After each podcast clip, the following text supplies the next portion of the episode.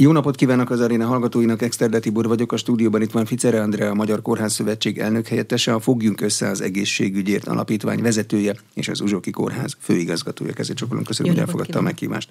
November 27-én az alapítvány rendez egy nyílt konferenciát állami vagy és magánellátás címmel, és már a programajánló is olyan szikár kérdéseket fogalmaz meg, ami mindenkit érdekel, vagyis az arra adott válasz, aki a magyar egészségügyel bármilyen kapcsolatba kerül.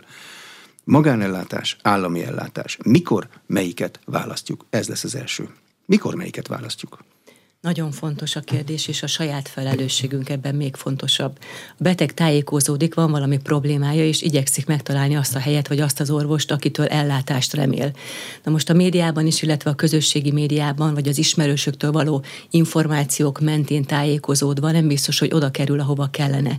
Ezért nagyon fontos ez a téma, és ezt szeretnénk majd részletesen boncolgatni. De a rövid válaszom, hogy alapvetően a magánellátók diagnosztikában, járóbetegellátásban, egynapos sebészetben, illetve nagyobb, bizonyos nagyobb műtétekben vannak otthon. Ezek a nagyobb műtétek jellemzően mondjuk az endoprotetika vagy sportsebészet.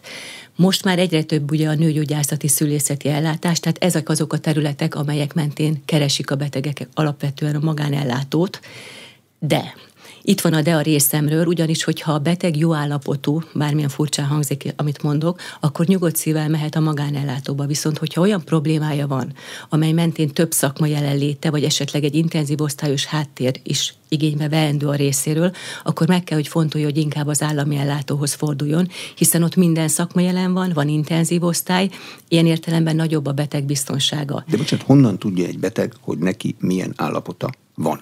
Az internetről tájékozódik, meg az ismerősök mondják, hogy ő is ott csináltatta meg, nagyon jól sikerült, az ember nem látja saját magát. Ez, Ez egy orvosi probléma. kérdés. Így van. És ezt szerettem volna így folytatni, hogy ezért, hogy egy beteg valóban azt szeretné, hogy jó helyre kerüljön, olyan embertől kell, hogy tájékozódjon, aki érti a baját, tehát orvostól kell segítséget kérni. Jó esetben olyan a házi orvosa, jó esetben olyan a szakellátás orvosa, aki őt már vizsgálta, hogy meg fogja neki mondani, hogy ezzel a bajával ide, vagy ezzel a bajával éppen oda forduljon is reméljük, hogy megfogadja a beteg. De ugye a beteg akkor tudja megfogadni mindezt, hogyha van bizalma afelé az intézmény felé, amit neki javasoltak. Ha ő úgy érzi, hogy csak a magánban van bizalma, mert ugye olyan jelenleg a kommunikáció az állami ellátókkal kapcsolatban, is erről majd beszéljünk, akkor ő a magánba fog menni akkor is, hogy esetleg az állapota, vagy a javaslat, amit ő kapott, az állami intézmény választását jelölné ki célul. Jó, honnan lesz az állami intézménynek olyan kommunikációja, hogy kialakuljon közöttünk egy bizalom. Hát ez nagyon fontos és nagyon felelősségteljes kérdés. Egyrészt ugye az állami ellátóban dolgozók, akik tudják, hogy mi zajlik az állami ellátóban, valamilyen módon szót kell, hogy kapjanak, és meg kell, hogy jelenjen a véleményük, a hiteles véleményük a a médiában vagy a közösségi médiában. Az a gond, hogy nem feltétlenül hiteles az, amit valaki kommunikál. Tehát, hogyha a betegek vagy a lakosság nem bízik abban, vagy nem hiszi el, amit neki mondanak, mert esetleg nem valljuk be a bajainkat, akkor ne is várjuk azt, hogy elfogadják, amit mi mondunk. Tehát kell egy hiteles közlés az állami rendszer részéről, illetve hát nyilván a magán részéről is kellene egy olyan fajta hiteles közlés, ami nem félrevezeti a beteget, ami nem generálja a magánintézmények megkeresését, hanem józanul tájékoztatja a beteget. Egyébként a magánintézmény is akkor jár jól, hogyha hitelesen tájékoztat, és olyan betegek keresik fel, és olyan ellátást végez, amiből hit, ö, sikeres lesz a végeredmény, mert a beteg is elég elégedett, illetve a magánintézménynek sem lesz ebből baja. De a beteg ma nem Istenként tekint az orvosra, hanem szolgáltatásként tekint. Azt akarja, hogy a problémáját ott azonnal gyorsan oldják meg. A magánellátók egy jelentős része ezt ígéri. Mit tud ezzel szemben az állami ellátás ígérni, amikor azt látjuk, hogy ott időnként hát sokat kell várni, küzdeni kell az ellátásért? Igen, de hogy pillanatra hagyj kezdjem a magánnal, azért ott is sok esetben már várni kell. Tehát már az a megállapítás sem igaz, hogy a magánellátó azonnal igénybe vehető, vagy elérhető. Bizonyos ellátások, bizonyos magánellátók igen, de nagyobb bajokkal, komolyabb intézmények esetleg szintén várakoztatják a beteget, mert olyan jellegű vagy olyan mértékű a megkeresés. Hát a betegnek ugye jön a, most, most, most értünk el abba a ponthoz, amikor a saját felelősségéről kell beszélnünk, mert a beteg jellemzően úgy él, úgy gondolkodik, úgy viszonyul a rendszerhez, hogy nekem azonnal ellátást kell kapnom, hiszen ezért fizettem a járulékot. Miközben évtizedekig semmit nem teszek meg azért, hogy egészséges maradjak. Nem sportolok, úgy táplálkozom, iszom, dohányzom, elhízott vagyok. Magas a vérnyomásom, magas a cukrom, tehát tele vagyok bajjal, ami valóban ellátást igényelne, csak éppen én nem voltam az, aki vigyáztam saját magamra, a saját felelősségemet egyszerűen letettem az asztalról, és ez egy nehéz helyzetet generál, mert ugye ő elvárja az ellátást, ugyanakkor az állami ellátó meg azt mondja, hogy értem, fizeted a járulékot, mi mindent megteszünk, sokan vagyunk, nagyon sokat dolgozunk, de még több a megkeresés. Azért azt tudni kell, hogy a COVID után ugye meglassult az állami ellátónak a működése, ami most már lassan visszatér a eredeti állapotba, még ha nem is tökéletesen, de visszatér, és ugyanakkor nagyon sok olyan beteg, aki várakozott, vagy nem került be az ellátórendszerbe, vagy nem akart bekerülni, bizony rosszabb állapotban van most, mint régebben.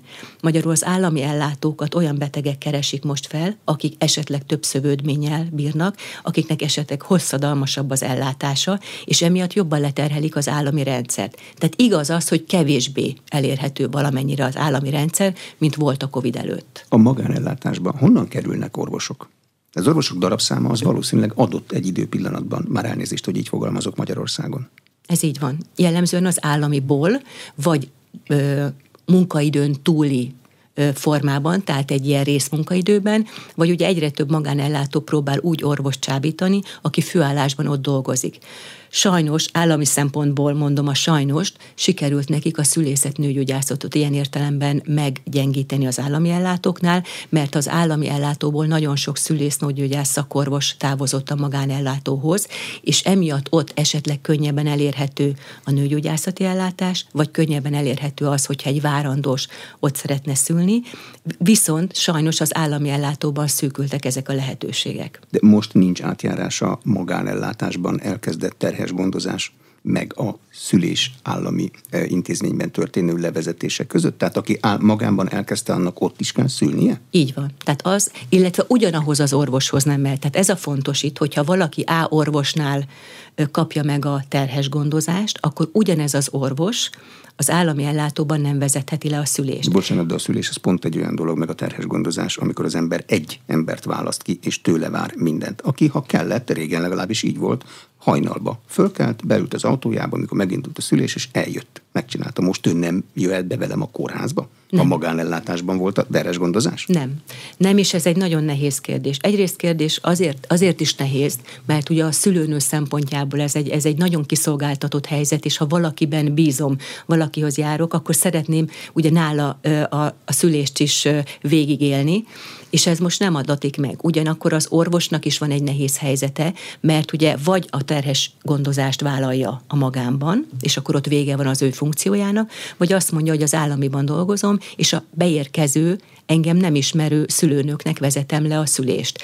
Nem jó. Biztos, hogy nem jó, és ezáltal egyébként érezhető módon visszaesett a szülések száma az állami intézményekben, ami nagy baj, hiszen az a célunk, ö, kormányzati ö, szinten is, meg ugye a mi szintünkön is, hogy minél több újszülött jöjjön a világra. Tehát, hogyha ezzel tudnánk segíteni, hogy ez a bizalmi kapcsolat meg tudjon maradni, és annál tudjon szülni a kismama, várandós, akinél szeretne, ez nagyon fontos.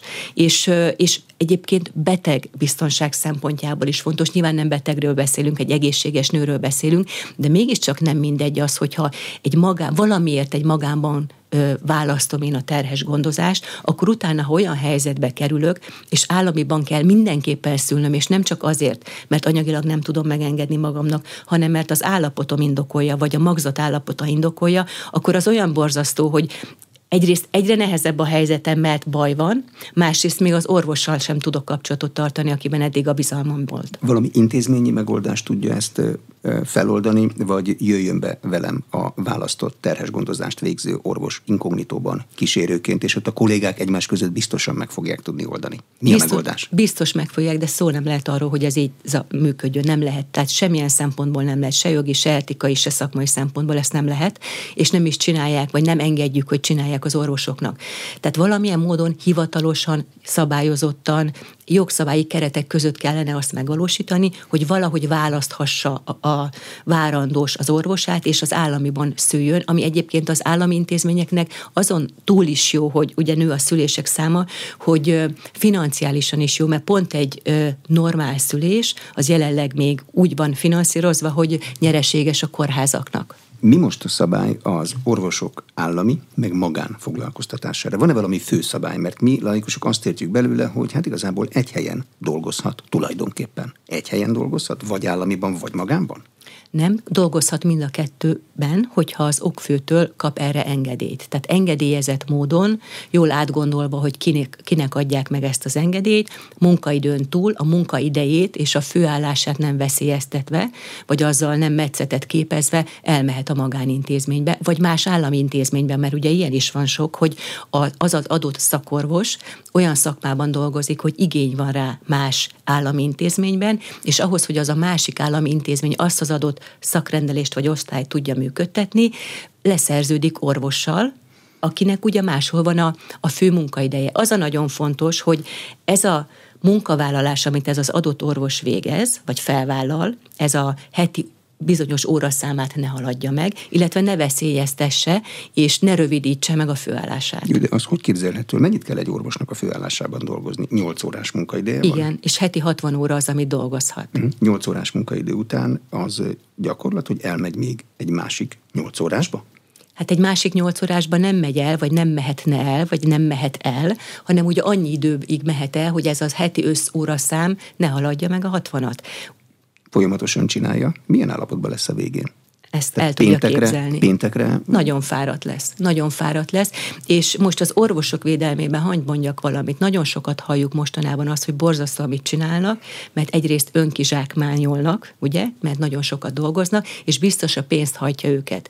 Hagy védjen meg őket. Nyilván van, akit a pénzt hajt, de nagyon sokan valóban segíteni szeretnének, és valóban azért mennek el abban a, abba a másik intézménybe, akár egy vidéki kisebb kórházba vagy szakrendelőbe, hogy segítsék őket, mert folyamatosan megkeres és az ottani vezetés részéről felé, hogy gyere, segíts, mert különben nem tudom működtetni azt a szakrendelést. Kórházszövetség vezetője, a Betesda főigazgatója mondta, hogy mindig el kell engedni a kollégákat, mert ha nem engedi el, akkor ott nincs ellátás. És ha nincs ellátás, az ott rossz. Ez De így van.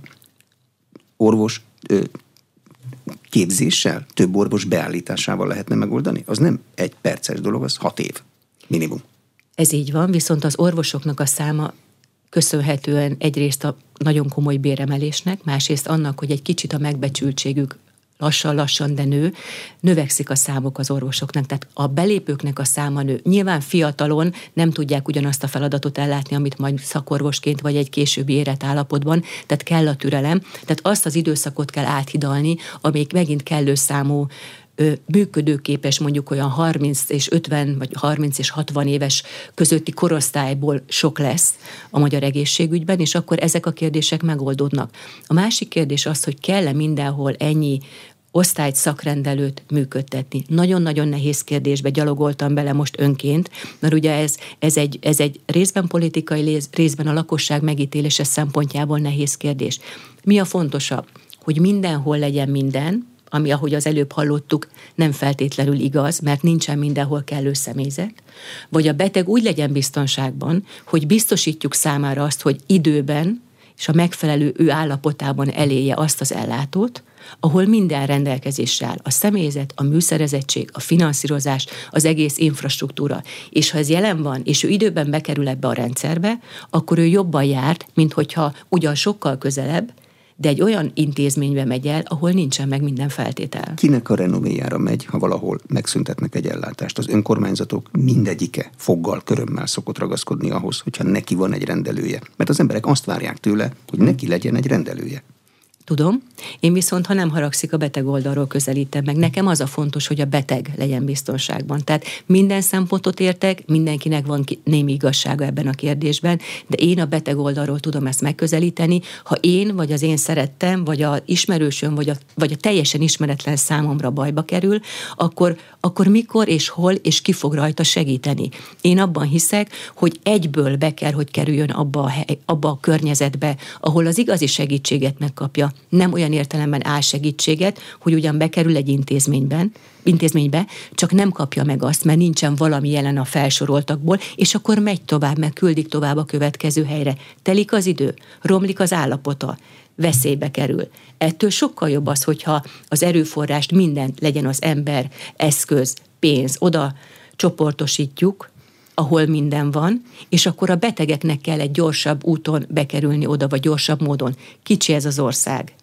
Jó transporttal bármi megoldható. Tudom, hogy ezzel nem vagyok népszerű, de akkor is vállalom ezt a véleményemet, mert a beteg így lesz biztonságban, és azokkal az intézményekkel, amelyek ilyen értemben felszabadulnak, nem arról van szó, hogy be kell őket zárni, csak meg kell változtatni a funkciójukat. Tehát, hogyha nincsen Magyarországon ápolási osztály elegendő, nincsen krónikus ellátó, nincsenek hospiszok, akkor azokból az osztályokból Miért ne csináljuk meg ezeket az intézményeket, mert egyébként a lakosságnak az életkora és az állapota indokolja, hogy fel kell arra készülnünk, hogy hosszadalmasan évekig kell valakit ápolni. Van, aki persze ezt otthon meg tudja kapni, és akkor ő szerencsés, és neki nagyon jó, de nem mindenki, ilyen, nem mindenki van ilyen helyzetben. És akkor ezeket az intézményeket fel tudjuk úgy készíteni, hogy kisebb városokban, vagy mondjuk egy a főváros perifériáján levő olyan intézmények, amelyek egyébként aktív ellátásra most sem képesek, vagy nem jól képesek, azokból, hogyha ilyen intézményeket hozunk létre, akkor a családoknak, a lakosságnak meg lehet azt magyarázni, és megérték ők, hogy aktív ellátást itt nem kap, viszont ha az édesanyja, édesapja rokona befekszik, a házhoz, a, a lakáshoz, az otthonhoz közel tudja őt látogatni és biztonságban tudni. Szerintem ez kommunikáció kérdése. De most ahhoz vagyunk szokva, hogy a, e, a hospice az a belgyógyászatnak egy három ágya el van különítve, és abban bízunk, hogy ott a mi szerettünknek jobb lesz. Mert ez mégiscsak egy belgyógyászat, és nem egy hospice, aminek talán még a fogalmát sem tudja Magyarországon mindenki. Az ápolási osztálynak a köznyelvi megfelelője az elfekvő. Hogy lehet az embereknek megmagyarázni, hogy ott jobb lesz a szerettüknek, mint egy aktív osztályon?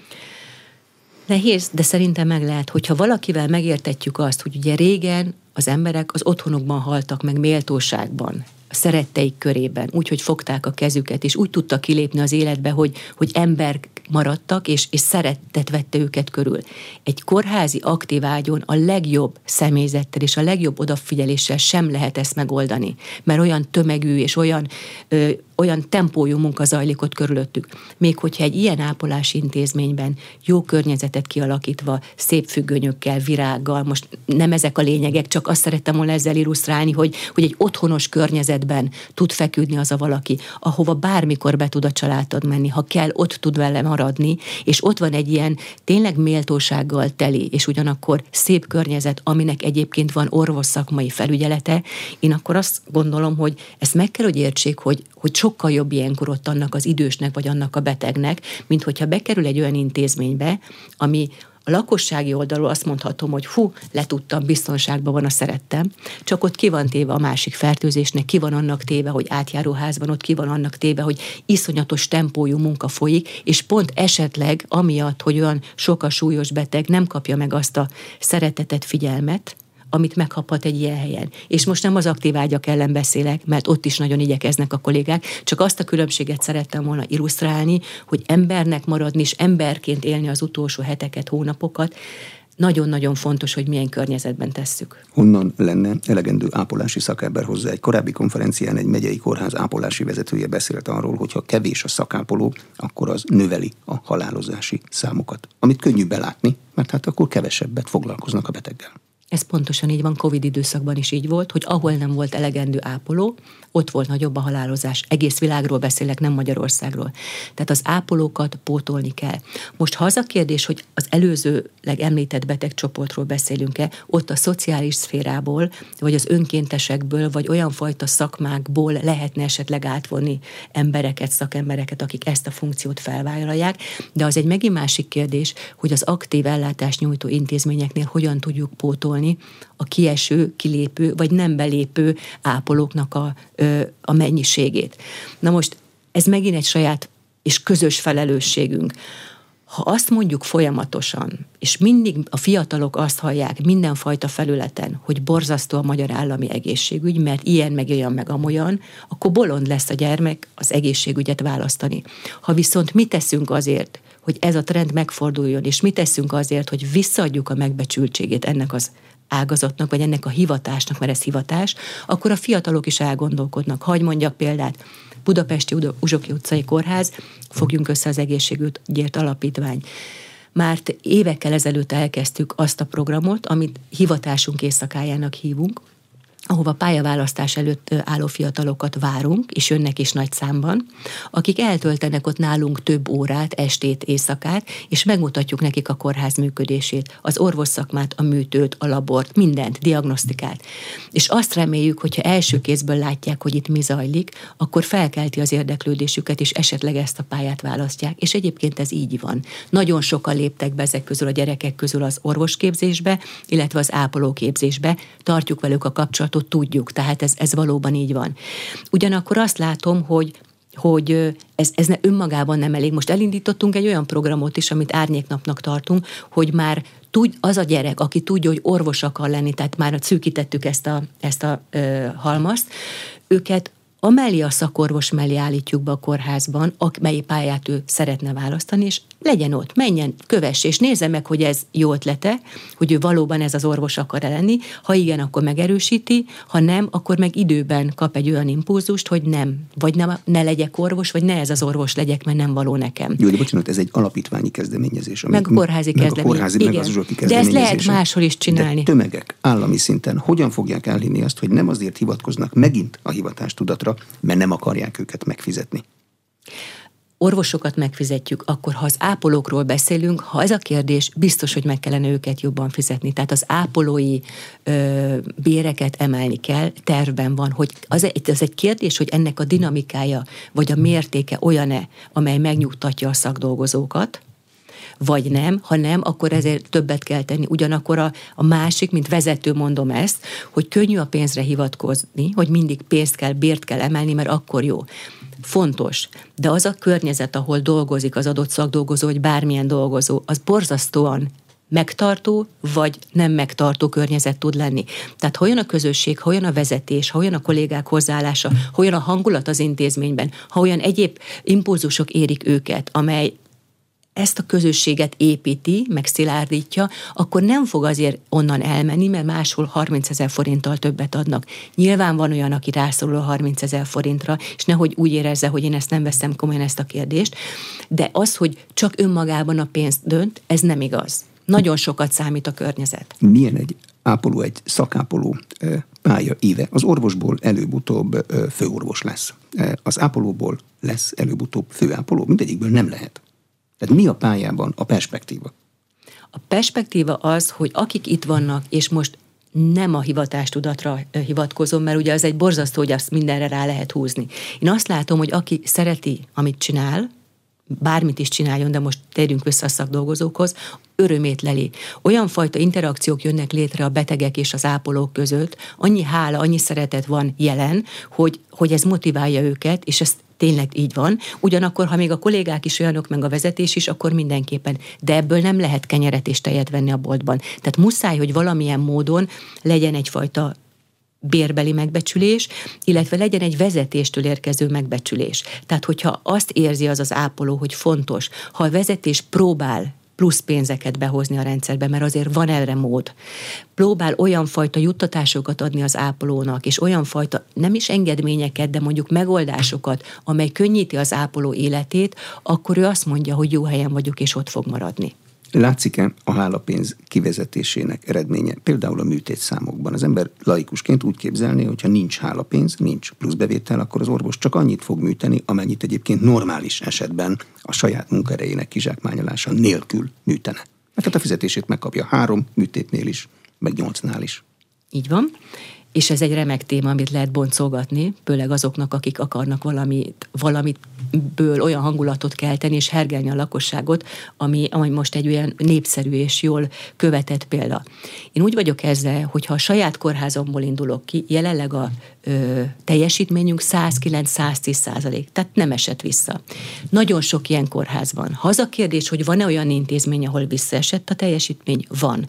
Én úgy gondolom, hogy, hogy ennyi rossz orvos, vagy ennyi rossz hozzáállás orvos nincs a rendszerben, mint amennyi intézmény, vagy amennyi régióban esetleg visszaesett a teljesítmény. Szerintem ez vezetői felelősség. Tehát én hiszem azt, hogyha olyan a menedzsment, olyan a hozzáállás, és olyan a légkör, akkor nem fog csak azért hátradőlni valaki, hogy megvan a fizetésem, és nem dolgozom, nem segítek. Ha ő ezt megteheti, hogyha olyan a hangulat, a légkör, és olyan az egész intézmény hozzáállása, akkor megteszi, mert ugye nincsen, nem csak retorzió nincsen, hanem elvárás meg jó példa sincs. Tehát én egyébként a retorzióban nem annyira hiszek, a jó példában és a, a követendő működésben igen. Tehát azt látom, hogy ahol rendben vannak a dolgok, ott lehet, hogy van egy-két ilyen orvos, de nem ez a jellem jellemző. Ha ahol a menedzsment ilyen, vagy az egész légkör ilyen, mert nagyon sok olyan vezető is van, ezzel sem leszek népszerű, de akkor is mondom, ahol hátra teszik, vagy hátradőlnek, és azt mondják, hogy rossz a finanszírozás, csökkent az orvosok motivációja, hát ez van, oldjátok meg. Holott ez így önmagában nem igaz, és menedzsmenti felelősség, hogy igenis minden körülmény között lehet jól dolgozni, vagy jobban dolgozni, de magyarul, hogyha ezt látja a beosztott hogy ez a hozzáállás felül is, akkor ő is ezt fogja követni. Szóval ez szerintem egyrészt általánosításnak nagyon rossz, másrészt nem igaz, harmadrészt pedig igenis lehet ellene tenni. Van arról statisztikájuk, hogy mennyi beteg kerül át magánellátásból az állami ellátásba, és mi miatt? Én nem tudok ilyenről, biztos van, de én nem tudok ilyen számot mondani, de hogy mi miatt kerül át, nyilvánvalóan azért kerül át esetleg, mert a magánellátó nem tudja ellátni, illetve azért, mert esetleg valami olyan súlyosabb állapota alakult ki, ami miatt állami ellátást igényel. Vegyük ezt a kérdést ketté, hogyha szabad. Egyrészt egy felelős magánellátó jelenleg úgy üzemel, hogyha egy olyan beteg érkezik hozzá, amely tudottan nem, kap, nem tud megfelelő ellátást kapni náluk, akkor ők ezt felvállalják, nyíltan korrektül közlik a beteggel, hogy szeretnék ellátni, de nem tudják, tehát forduljon állami ellátóhoz. Aztán olyan magánellátó is van, aki ennek ellenére elkezdi az ellátást, legyen az egy beavatkozás, vagy egy ilyen nem műtétes szakmában zajló folyamat, és aztán előbb-utóbb kiderül, hogy bizony ők megakadnak, és akkor kerül át a beteg a állami ellátóba. Ilyenek, hogy jön a mentő, és átviszi? Hát nyilván ny- ny- nem tudom, tehát azért az nagy, extrém ritka, és nagyon-nagyon ritkán, vagy nem is fordul elő, hogy egy olyan akut állapot kerül vagy áll elő, amely miatt azonnal kell mentővel szállítani, tehát ilyen nem nagyon van.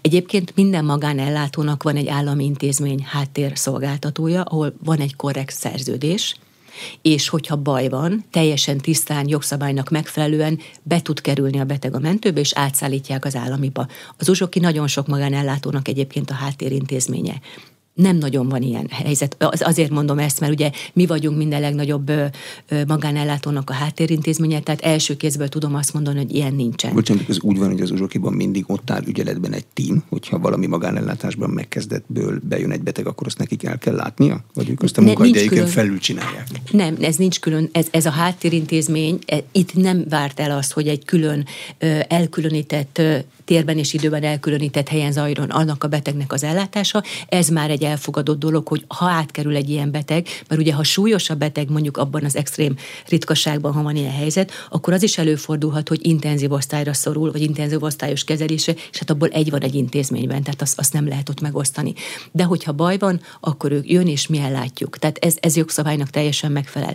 Ami egy kérdés, hogy ha olyan baja van, ami nem ilyen súlyos állapot, de tudjuk azt, hogy egy mondjuk egy profit emelés céljából fölöslegesen generált vagy indikált beavatkozás, mert van ilyen, nem jellemző, nem általános, de van ilyen, akkor hogy, hogy zajlik annak a betegnek az ellátása, mert mivel ő nem egy akut állapotban van, ő már ezen az úton, amit az előbb elmondtam, jogszabályi keretek között szerződés mentén levő együttműködés formájában jön hozzánk, vagy bárhova, hanem egyszerűen azt látja, hogy egy államiba kell, hogy kerüljön. És ez a nagyon nem jó. Tehát ezt mindenképpen szabályozni kell, mert ugye baj szövődmény mindig előfordulhat a legjobb szándék és minden létező feltétel rendelkezésre állás esetén is. De az, hogy egy nem megfelelően indikált beavatkozás mentén várakozik a beteg, és esetleg romlik az állapota, és esetleg majd állami ellátásra szorul, vagy a szövődmény szorul, ez az, ami nagyon nem jó. És itt van igaza a döntés hozónak, meg a jogalkotónak abban, hogy ezt nagyon-nagyon élesen el kell ezt a folyamatot választani. Hogy ne legyen az, hogy egyrészt a beteg bolyong a két rendszer között, ne legyen az, hogy esetleg félre van vezetve, mert nem azt kapja, amire szorul, ő ugye nem tudja, és aztán később kiderül, hogy mégiscsak baja van, és akkor az államiban megkapja az ellátást. A pénze is elfogyott, az ideje is elfogyott, és az állapota is egy kicsit romlik. Ki legyen a kapuőr, az irányító, aki megmondja a betegnek, hogy hova menjen?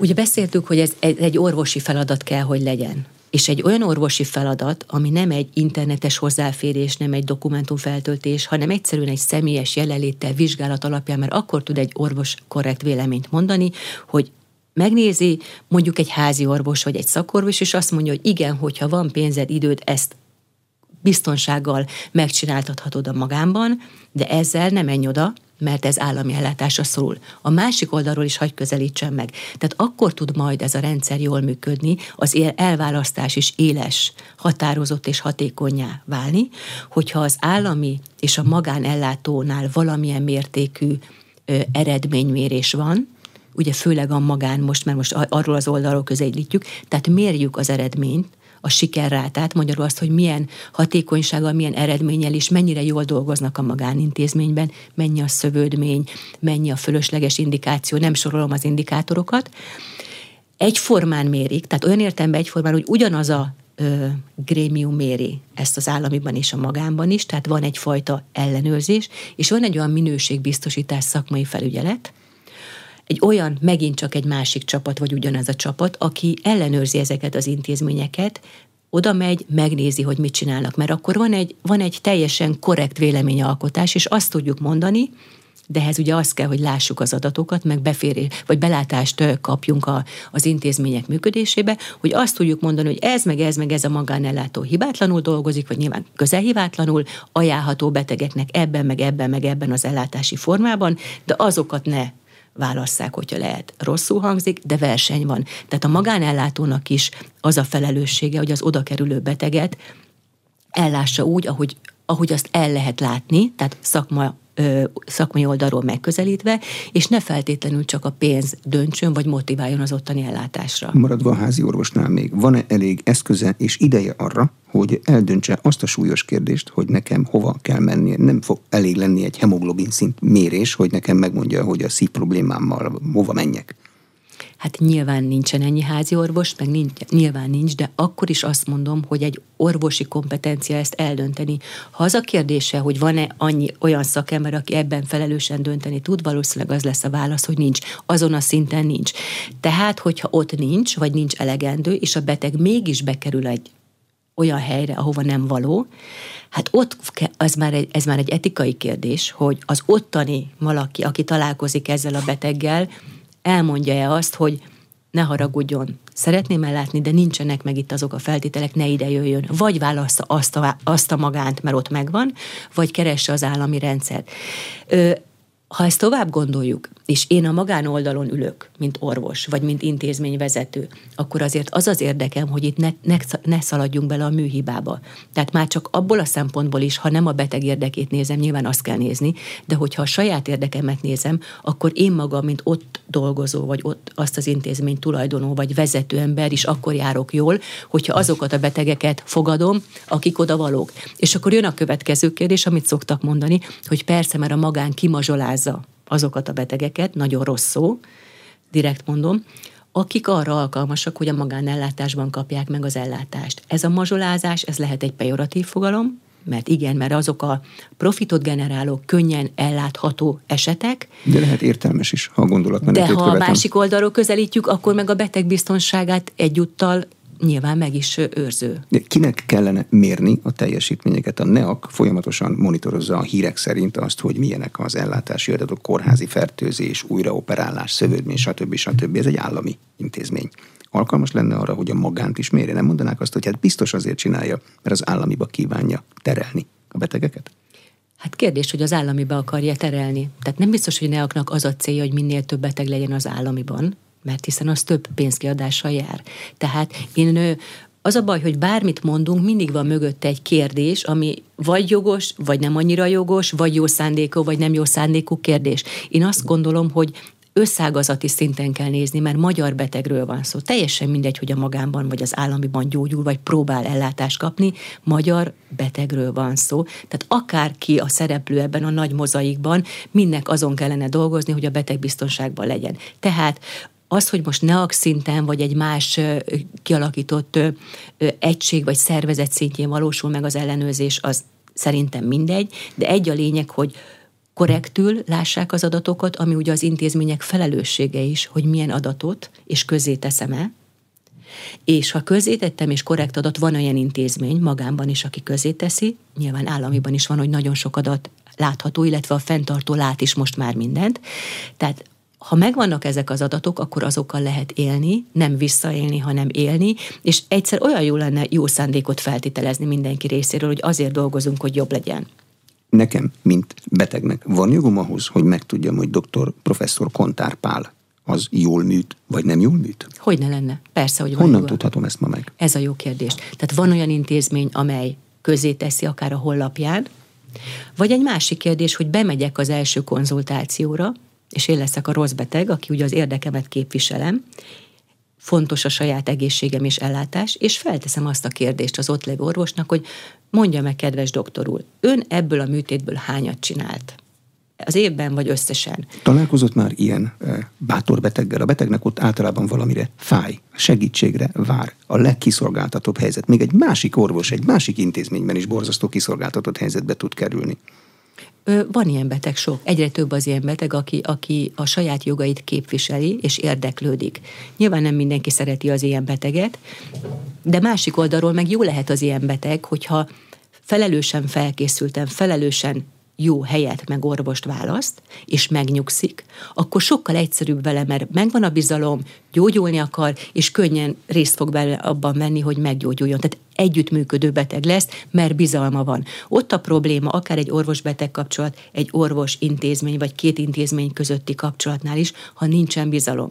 És a bizalom csak akkor van, ha hiteles a kommunikáció. Tudom, hogy olyan könnyű ezt mondani, hogy kommunikáció meg hiteles, de mégiscsak az van, hogy a, a gyereket is úgy nevelem, hogy vagy hiteles vagyok, mert ami a számon kijön, ugyanazt látja, hogy ugyanazt csinálom, és akkor nagyon egyszerű az ügy, és jó irányba megy, vagy ha van egy diskrepancia a kettő között, hogy más lát, mint amit mondok, akkor nem lesz bizalom. Nagyon egyszerű, az orvos-beteg kapcsolatnál is ez a helyzet. Mennyire kell, hogy szabad legyen az orvosválasztás Magyarországon. Tehát mehetünk-e bárhova az országon belül? Nem vagyunk egy nagy kiterjedésű ország, és vannak olyan adatok, hogy nagyon kevesen kapnak, vagy kérnek ott ellátást, ahova tartoznak.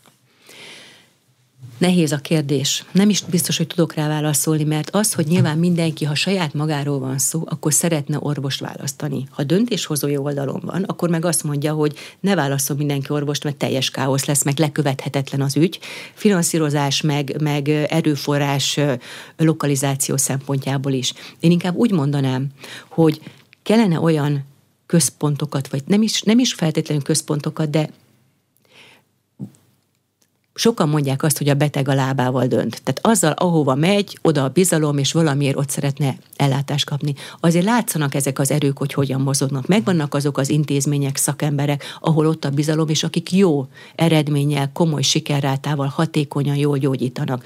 Akkor ezt az erőforrást lehetne oda lokalizálni, ugye, ugye nem csak a finanszírozás, hanem mind, igen, és hogyha oda megy mindenki, és ott van helyben minden, akkor személyzet is ott több lesz, tehát magyarul akkor egy nagyobb komplexum alakul ki, amiben minden jelen van, és minél nagyobb valami, és eléri ugye azt a, azt a nagyságot, amikor már financiálisan is sokkal hatékonyabban és gazdaságosabban működik, szakmailag meg mindenképpen, hiszen megvan a rutin, kellő számú esetet végeznek abban az intézményben, és a beteg biztonsága is nő ezáltal. Tehát úgy gondolom, hogy inkább ilyen értelemben kellene azt figyelembe venni, hogy ki mit szeretne választani, mert ezen nagyon megvan a trend. Tehát ezt a NEAK biztos, hogy tudja, hogy hol mennyi a megkeresés. Az intézményvezetők is látják, látják, ugye, hogy honnan jönnek a betegek, mennyi a területen kívüli beteg. Nyilván, ha sok, az azt jelenti, hogy bizalom van a felé az intézmény felé. Ha a bizalom megvan, hatékonyan jól dolgoznak, akkor még egyszer mondom, bocsánat, nem akarom ismételni, de akkor mindent oda kell csoportosítani, és akkor el is dőlt a kérdés, és akkor nem is kell hadakozni a betegekkel. A finanszírozás ma alkalmas-e a költségek fedezésére és a teljesítmény elismerésére? Nem. Mi hiányzik belőle?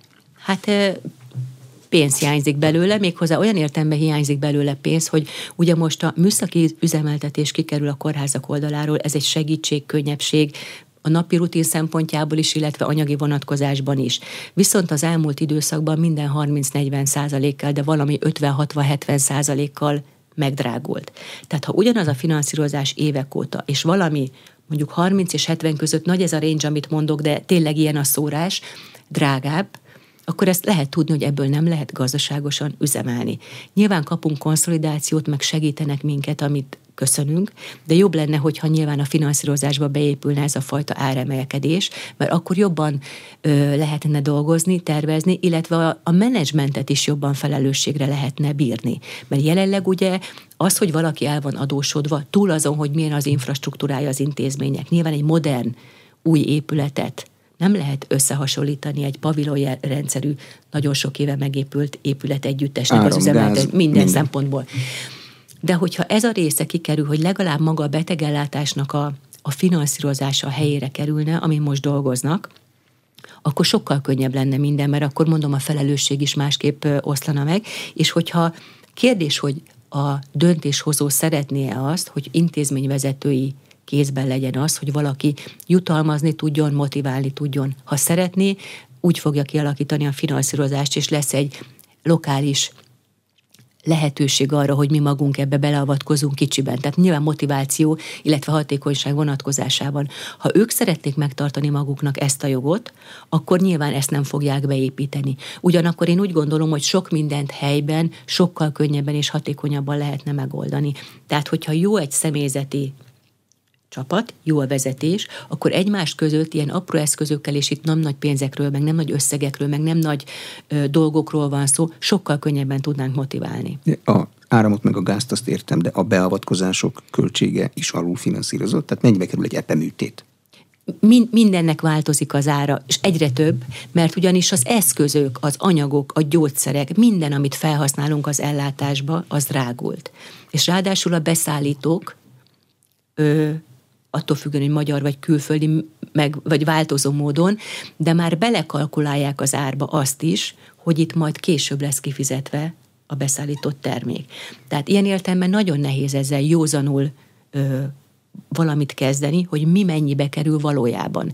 Tehát hogyha majd a finanszírozás olyan lesz meg, majd hogyha ö, valós költségeken alapul a finanszírozás, amikor úgy kapjuk meg a pénzt, amennyibe kerül, onnantól kezdve sokkal könnyebben fogok tudni erre válaszolni, most nem tudok. De hogyha árában finanszírozzák a beszerzéseket, akkor ezt minden kórháznak külön kell csinálnia, hogy ki tudjon bontakozni a kórház igazgató egyéni képessége, vagy tömegben kell csinálni, mennyiségi kedvezményre menve, mi ennek az értelmes rendszere? Nyilván nem lehet ezt külön-külön, meg nem is kell, meg pláne, hogyha egy a fenntartó, akkor egyként kell ezt az ügyet kezelni, és pont azért egy a fenntartó, hogy egy rálátással, egy, egy tömegben, egy nagyságban tudják ezt kezelni, ezt a helyzetet. Hát nyilván, ha központosítva van a beszerzés, akkor valószínűleg remélhetőleg olcsóbban, meg hatékonyabban fognak dolgokat beszerezni, vagy jutunk mi dolgokhoz hozzá. Egyébként jelenleg még ez nem így van mindig, de azt remélem, hogy ez lesz a folyamat vége, hiszen ez lenne az egésznek az értelme. Mm, a kórház vezetők teljesítményére milyen mérőeszköz van egyáltalán? Ha a kórházi adósság nem alkalmas erre, nyilvánvalóan nincs két, nincs két egyforma kórház nagyon sok mindent lehet egy kórházvezetőnél nézni. Tehát lehet azt, vannak ilyen szigorúbb és vannak puhább faktorok első lenne ugye, hogy gazdaságilag milyen az a kórház, ezt megbeszéltük, hogy nagyon nehezen értelmezhető, illetve nem lehet egyfajta kaptafára felhúzni, mert, mert nem ugyanaz a tevékenység a különböző intézményekben. De az, hogy milyen a fluktuáció személyzet vonatkozásában, hogy milyen az ellátott betegeknek a, a szigorúan vett szakmai kimenetele az ellátásoknak, tehát milyen szövődménnyel, milyen reoperációs rátával, milyen ráköltéssel, milyen intenzív osztályos jelenléte, stb. stb. Ö, ö, ben nyilvánul meg az ottani ellátás, tehát ez is már egy mérhető.